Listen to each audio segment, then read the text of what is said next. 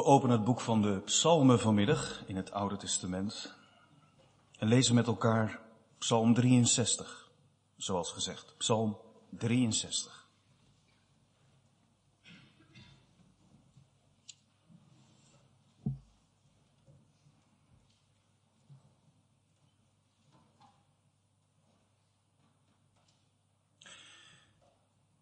Een psalm van David toen hij in de woestijn van Juda was. O God, u bent mijn God. U zoek ik vroeg in de morgen, mijn ziel dorst naar u. Mijn lichaam verlangt naar u, in een land dor en dorstig zonder water. Zo heb ik u in het heiligdom aanschouwd, uw macht en uw heerlijkheid gezien. Uw goede tierenheid is immers beter dan het leven. Daarom zullen mijn lippen u prijzen. Zo zal ik u loven in mijn leven. In uw naam zal ik mijn handen opheffen. Mijn ziel zal als met vet en overvloed, beeld van een overvloedige maaltijd, verzadigd worden.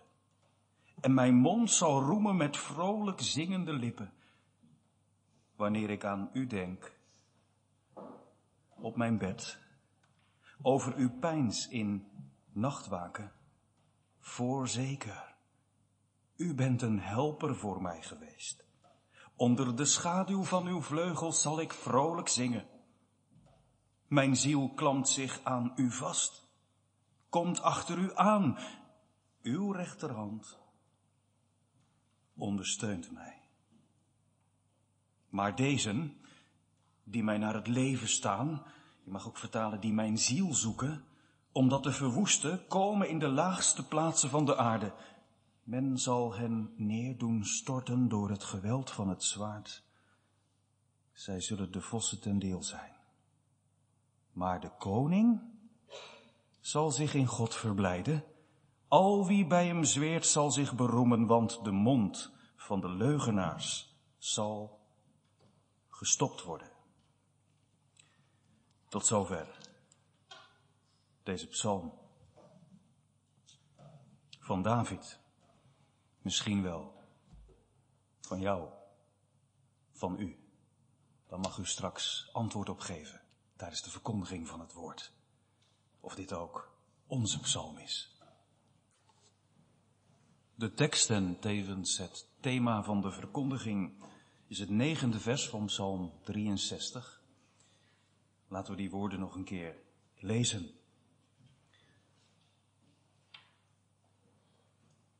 Psalm 63, vers 9. Mijn ziel klampt zich aan u vast, komt achter u aan uw rechterhand ondersteunt mij. Als we deze psalm goed hebben gelezen, dan weten we dat vers 9 de woorden Mijn ziel klampt zich vast aan u, Heere God,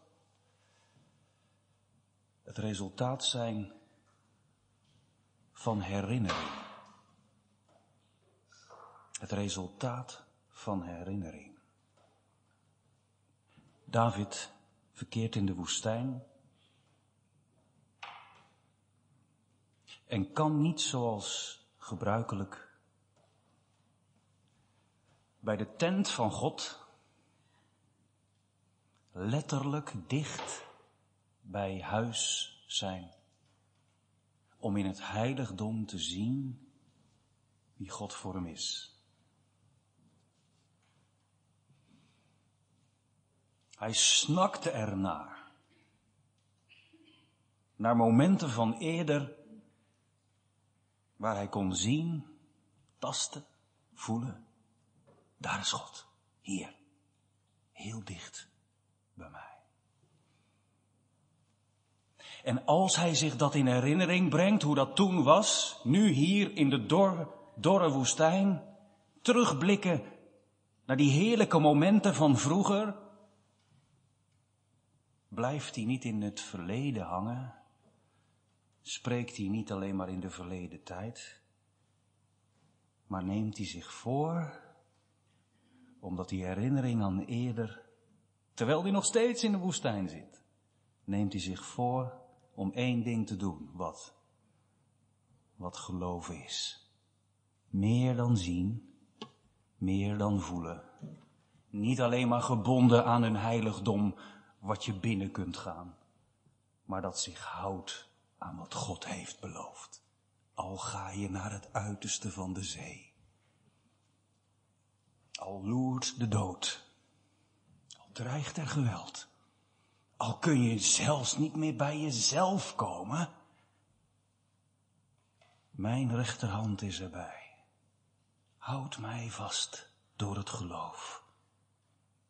Dat is genoeg. David, hij zit in de woestijn, zei ik. Waar moeten we dat ongeveer duiden dan in zijn leven?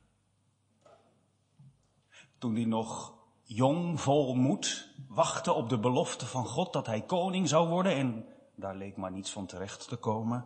1 Samuel 22 en 24 kun je dat lezen. Daar verkeerde David ook in de woestijn van Juda.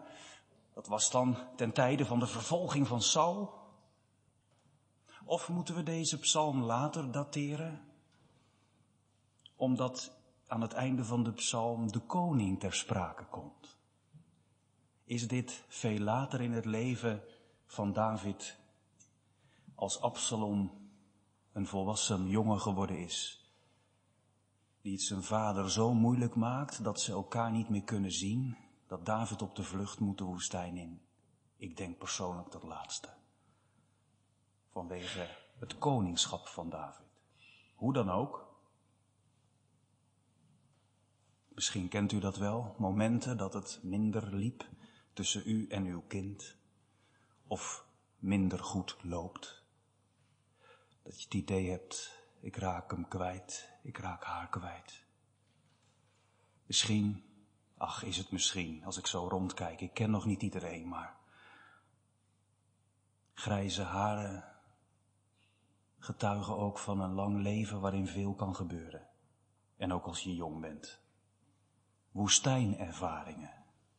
Ooit was daar die eerste liefde, stond je vol vuur voor in de kerk wat is daarop uw antwoord? Ja. Maar er komen momenten in je leven dat je moet leren door het geloof alleen, dat wist je wel, maar als het in je gezin niet gaat, in de familie niet gaat zoals je hoopt, als alles je bij de handen wordt afgebroken, je heel lang niet naar de kerk komt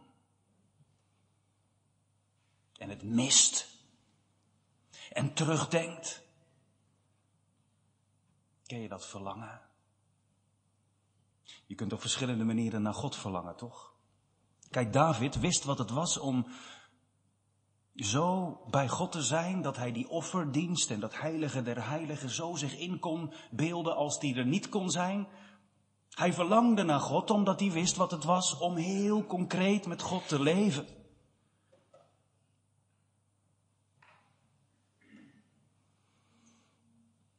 Zou het zo kunnen zijn dat er vanmiddag iemand is die zich daardoor buitengesloten voelt?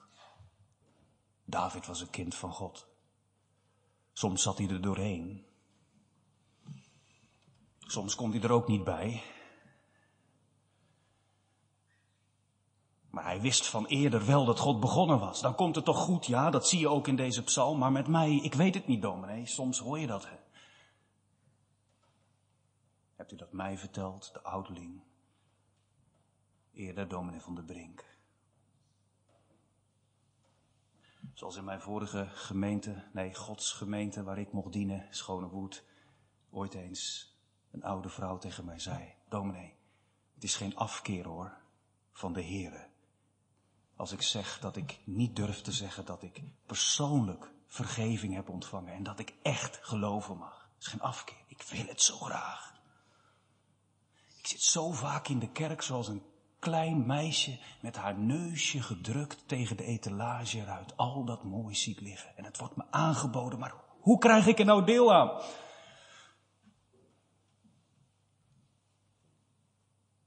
Hoe weet ik nou dat het ook voor mij is? Nou, dan is deze psalm niet alleen maar zomaar een spiegel waarin je kijkt en, en bedrukt denkt, oh, maar zo diep als het bij David zit, zo zit het bij mij niet en je draait je om en je gaat weg. Nee, blijven zitten. Vouw je handen maar en vertrouw erop dat de God van David je dit lied ook wil laten zingen. Ik zei het net, hè. Hoe het dan ook is in je leven. Zou dit ook onze psalm kunnen zijn? U heeft het misschien ook wel met uw kinderen gedaan. Zoals mijn moeder dat met veel geduld deed. Dan kwam ik als kind vol eh, vuur en blijdschap met een A4'tje aan. Wat mama al heel erg goed kende. Maar herhaling is leuk voor een kind. Een A4'tje met daarop allemaal stippen. En dan moest je op de juiste volgorde lijnen trekken om die stippen met elkaar te verbinden totdat er iets uitkwam wat je herkende. Soms het gezicht van de koningin, de andere keer een dier. Zo kun je ook deze psalm vers voor vers met je vinger langs gaan en dan de vraag stellen. Om wie gaat het hier in deze psalm? Van wie is deze psalm nu echt? Kun je verschillende antwoorden op geven. Allereerst, heel eenvoudig, een psalm van David. Maar de bedoeling is natuurlijk dat wij ook horen en weten, dit is mijn psalm. En als je denkt, maar dat is te hoog, dat je uiteindelijk ook beseft, het is en de psalm van David en het is mijn psalm. Waarom? Omdat het ook de psalm van Jezus is. Die zo heeft voorgedaan wat ik niet kan. Die mij helpen wil. Als ik zo zegt later Paulus in Christus ben, dan kan ik net als hij geborgen zijn bij God, hem aanklampen. Want zeg nu eerlijk, helemaal vanzelfsprekend is het toch niet?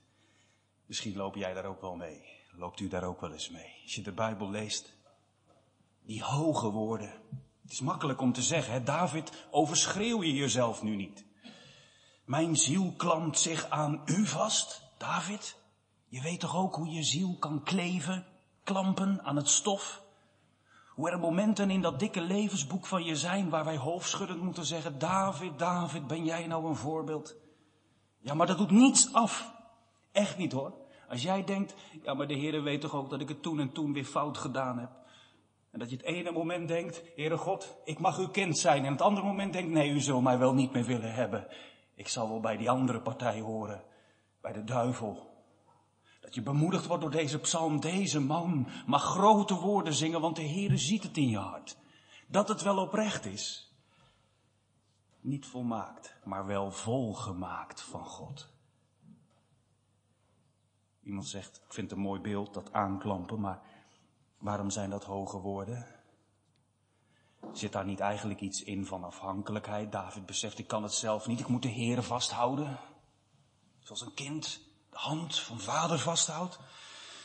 Ja en nee, want het Hebreeuwse woord voor aanklampen, vastklampen, in de Statenvertaling kleven, komen we bijvoorbeeld ook tegen in Genesis, waar gesproken wordt over dat de man zijn vader en zijn moeder achterlaat en zijn vrouw aanklampt, aankleeft. Dat zij, die twee zijn, tot één vlees zijn. Dat is heel radicaal.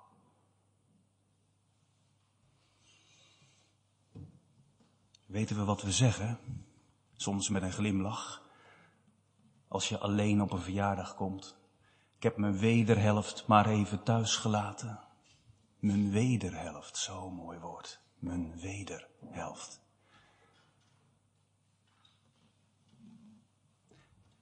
Ook al ga je niet samen op pad, waar ik ben is zij en waar hij is ben ik.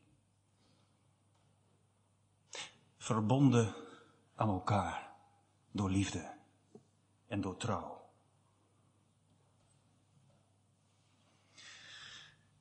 Dat niet alleen je ring je hoeft te herinneren aan het feit dat je getrouwd bent, maar je hart. Dat er momenten zijn dat je elkaar los moet laten en weet en toch is ze erbij. Kan de dood zelfs wel scheiding brengen, maar getuigt die ring van trouw aan elkaar verbonden als ik alleen achterblijf. Mijn ziel klampt zich vast aan u, David. Bedoel je dus ja, dat dat zo intiem is? Ja. Dat heeft hij geleerd als hij terugblikt. Ik moet door het geloof de Heer vasthouden, ook als ik hem niet zie. Ik kom achter u aan. Heel mooi dat de HSV dat toegevoegd heeft. Grond van de vertaling. Dat aankleven, daar zit namelijk ook iets in wat je in het Hebreeuws soms tegenkomt. Bijvoorbeeld als het volk van Israël de, uh, de Filistijnen achtervolgt. Dan staat er dat het volk Israël de vijand aankleeft. Met andere woorden, waar zij gaan, gaat het volk Israël ook. Ze komen er niet vanaf. Ik had dat vroeger ook. In deze oudere dienst mag ik ook wel even wat zeggen tegen de kinderen natuurlijk. Dat vinden de ouderen doorgaans heel mooi, merk ik. Als ik u spreek, het is wel fijn dat u ook aandacht heeft voor de kinderen. Daar zit eigenlijk dan ook weer iets in van, dat vinden wij ook mooi. Toen ik klein was, toen had ik ook al lange benen. En op school won ik altijd met hardlopen als het maar niet te lang duurde. Ik was wel snel, maar ik kon het niet zo goed volhouden. En er was een jongetje, die was niet zo snel als ik, maar die had veel betere conditie. Dus ik ging er altijd als een haas vandoor, maar ik kwam niet van hem af. En in het begin bleef hij een meter of drie achter mij aanrennen. Maar op een gegeven moment was bij mij de lucht op. En dan was hij er. Ik kwam niet van hem af. Met het gesproken? Geliefde ouderen, kan de Heer dat nu ook van u zeggen? Kunnen uw kinderen, uw kleinkinderen dat merken? Opa, oma, mijn vader, mijn moeder. Die klampen de Heer zo aan dat de Heer zegt, die, ik kom er niet vanaf. Dat wil hij ook niet hoor. Dat je de Heere achteraan gaat. Waarom zou je dat doen? Nou, lees eens mee. Ik zei het al, hè. De woorden van vers 9 zijn het resultaat van herinnering. Als David heeft gezegd in vers 3, zo heb ik u in het heiligdom aanschouwd, vroeger, eerder. Ik heb toen uw macht en uw heerlijkheid gezien. Dan zegt hij, uw goede tierenheid is immers beter dan het leven. Als je aan de Heere hangt, als je hem vasthoudt.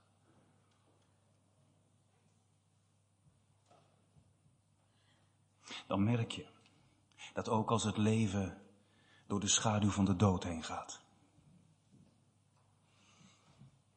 Dan merk je dat ook als het ouder worden met gebreken gepaard gaat en met worstelingen. Veel meer nog dan vroeger. Zo hoor ik van ouderen. Niet een onderwaardering van het leven, maar een nog dieper doorgronden van het eeuwige leven. Wat is het eeuwige leven? Alles wat er na de dood komt? Nee, helemaal niet waar. De Heer Jezus heeft geleerd, het eeuwige leven is dat we God kennen. Dat begint al voor je dood. Als je de goede tierenheid van de Heere kent, overdenkt. Al is het dan in de nacht. In die kille woestijn in de nacht. Wat vorige week nog een van u tegen mij zei. En ze weet wel dat ik haar bedoel. Zoals in Psalm 121. De Heere is uw bewaarder, uw schaduw aan uw rechterhand. Hij is erbij. Met zijn goede tierenheid. Zelfs als het einde van het leven naderen gaat. Zelfs als het leven niet meer geeft. Wat ik eerder zo graag proefde. Ik proef De goede tierenheid van de Heer. Wat is dat, de goede tierenheid? Dat is een, dat is een verbondswoord. Dat is wat hij belooft. Zijn goede tierenheid gepaard met zijn trouw. Gezet en emet. Ik zal er voor u zijn. Voor uw lichaam. Voor je ziel. Niet alleen als het meezit, maar ook als het tegenzit. Als je staat voor de Rode Zee. Als je de dood in de ogen kijkt. Ik zal je niet begeven, noch verlaten.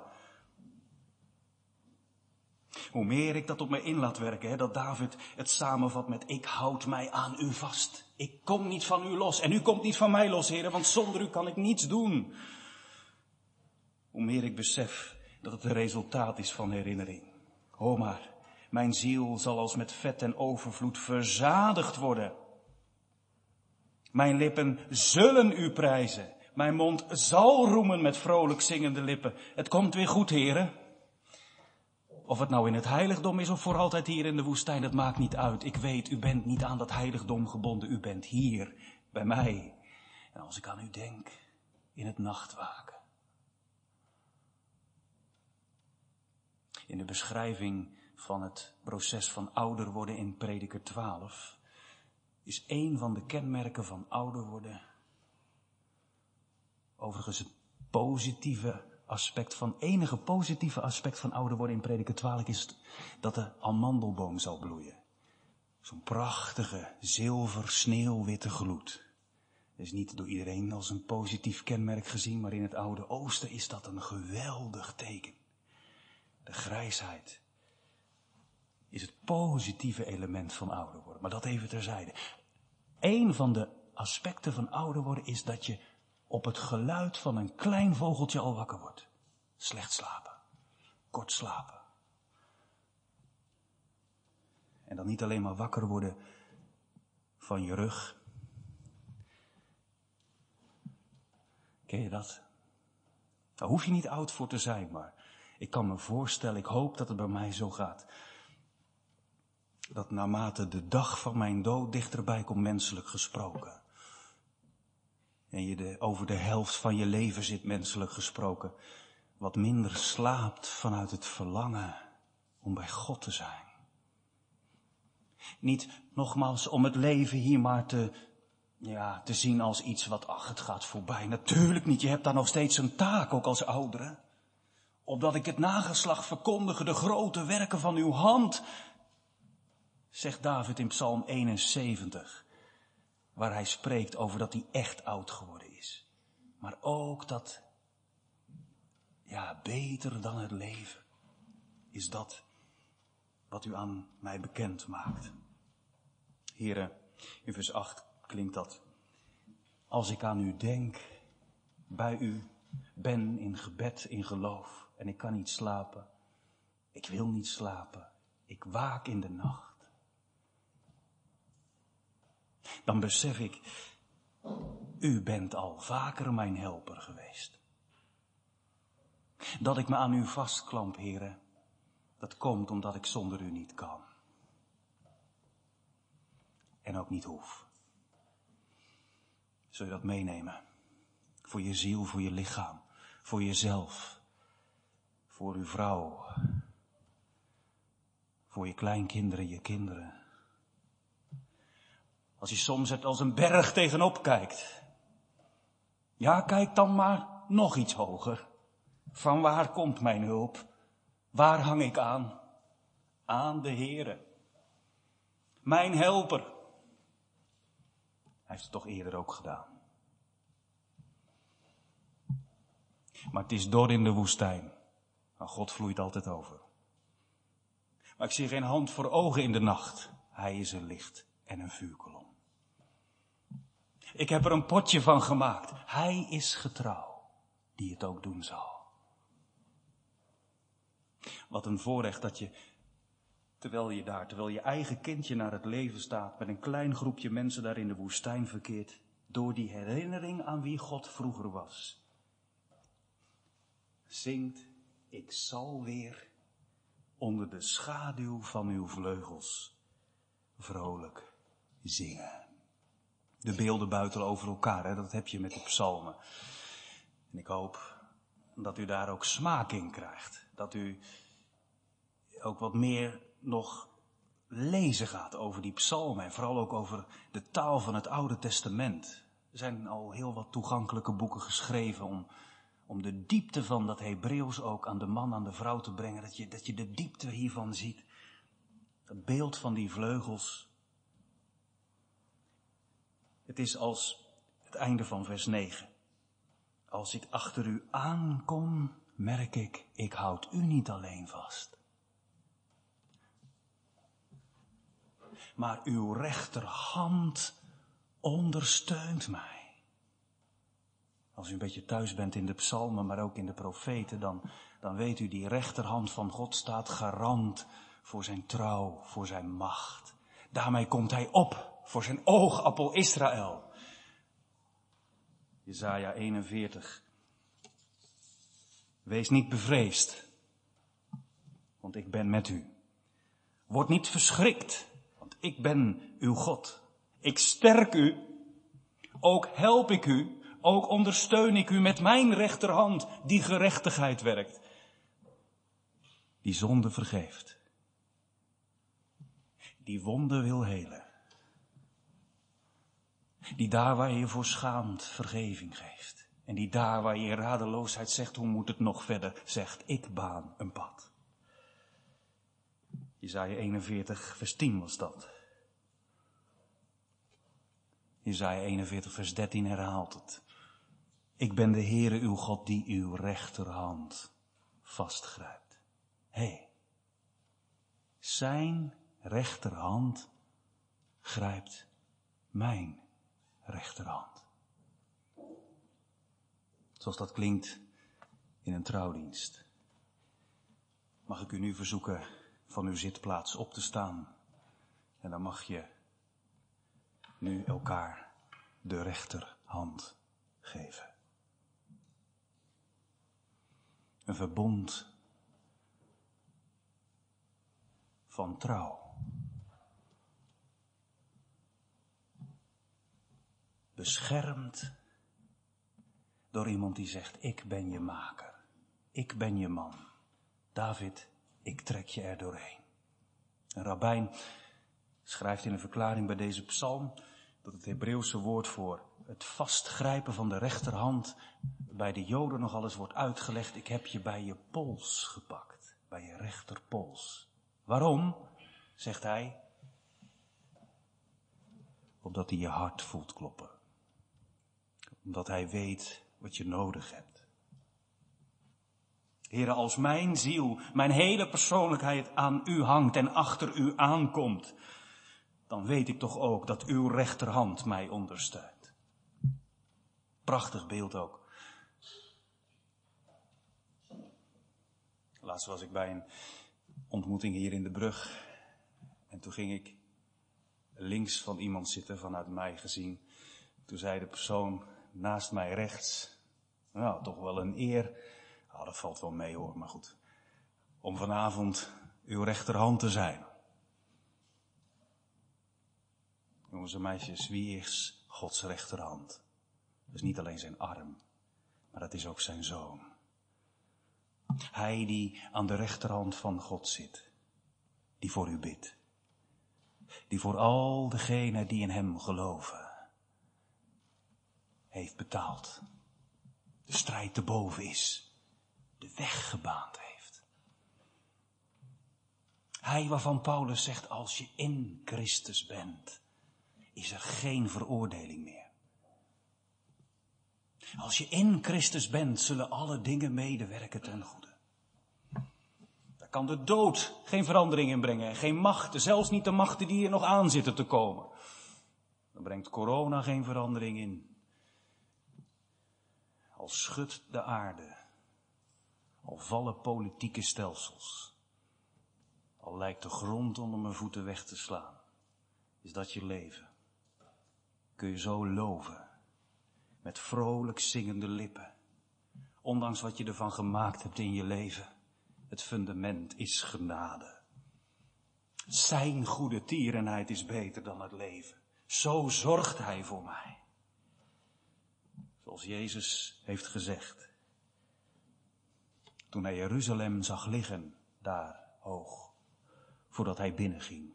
Jeruzalem, Jeruzalem. Hoe vaak heb ik je niet bijeen willen vergaderen zoals een hen haar doet, dat doet met haar kuikens. Wat een voorrecht als je onder zijn vleugels mag schuilen. In Lunteren maakte net iets mee dat een kippenschuur afbrandde. En ik hoorde hoe die boer ontdekte toen hij gebroken door die schuur liep en al die verkoolde lichamen van die kippen zag. Hoe hij met zijn voet zo een moederkloek aan de kant wilde schuiven. Waarvan geen veer meer aan zat en de hen het leven had gelaten. Die zei, ik schoof die moederkloek aan de kant en toen schoten er allemaal kuikentjes onder vandaan. Die had ze beschermd met haar vleugels.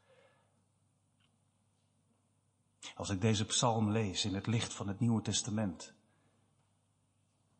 mag ik u vragen. Als je daar nou mee worstelt, hè, hoe kan ik nou zo naar God verlangen als David? Het is toch te hoog voor mij om altijd daar te zijn waar de Heer is. Ik ga zo vaak mijn eigen weg. Weet je, deze psalm is allermeest, als ik de lijnen trek, de psalm van Christus. Hij die zijn leven gaf. Die nooit van zijn plek is geweest. Die altijd zijn vader heeft gehoorzaamd. Waar God was, was hij. Maar toen hij aan het kruis hing in mijn plaats, zei God, hier kan ik niet zijn. Hij kleefde vast. Hij klampte zich vast aan zijn God. Mijn God, mijn God, waarom hebt u mij verlaten? Zo erg zijn mijn zonden, zeker. Zo lief had hij zondaars, zo lief had hij David, zo lief heeft hij u. Dat hij is blijven hangen. Hij van God verlaten. Opdat als ik aan de Heere hang, nooit zal horen, ga weg van mij. Maar ik zal zijn. Om Jezus wil. Wie zo naar God verlangt, of het nu met de neus tegen de etalage is. Niet blijven staan hoor. Ik mag u verkondigen. Een koopman die zegt raad van mij. Koop van mij. Alle gij dorstigen, kom tot de wateren. Neem het om niet. Laat je schuld maar achter op de toonbank. Ik heb betaald. Neem het toch aan. Kom onder mijn vleugels. Hang toch aan mij. Ik breng je thuis. En als je dat weer eens kwijt was. En dacht, hoe kom ik deze woestijn door? Naar het erfgoed daarboven. Naar het vaderlijk huis. Mijn Jezus geleidt mij. Amen.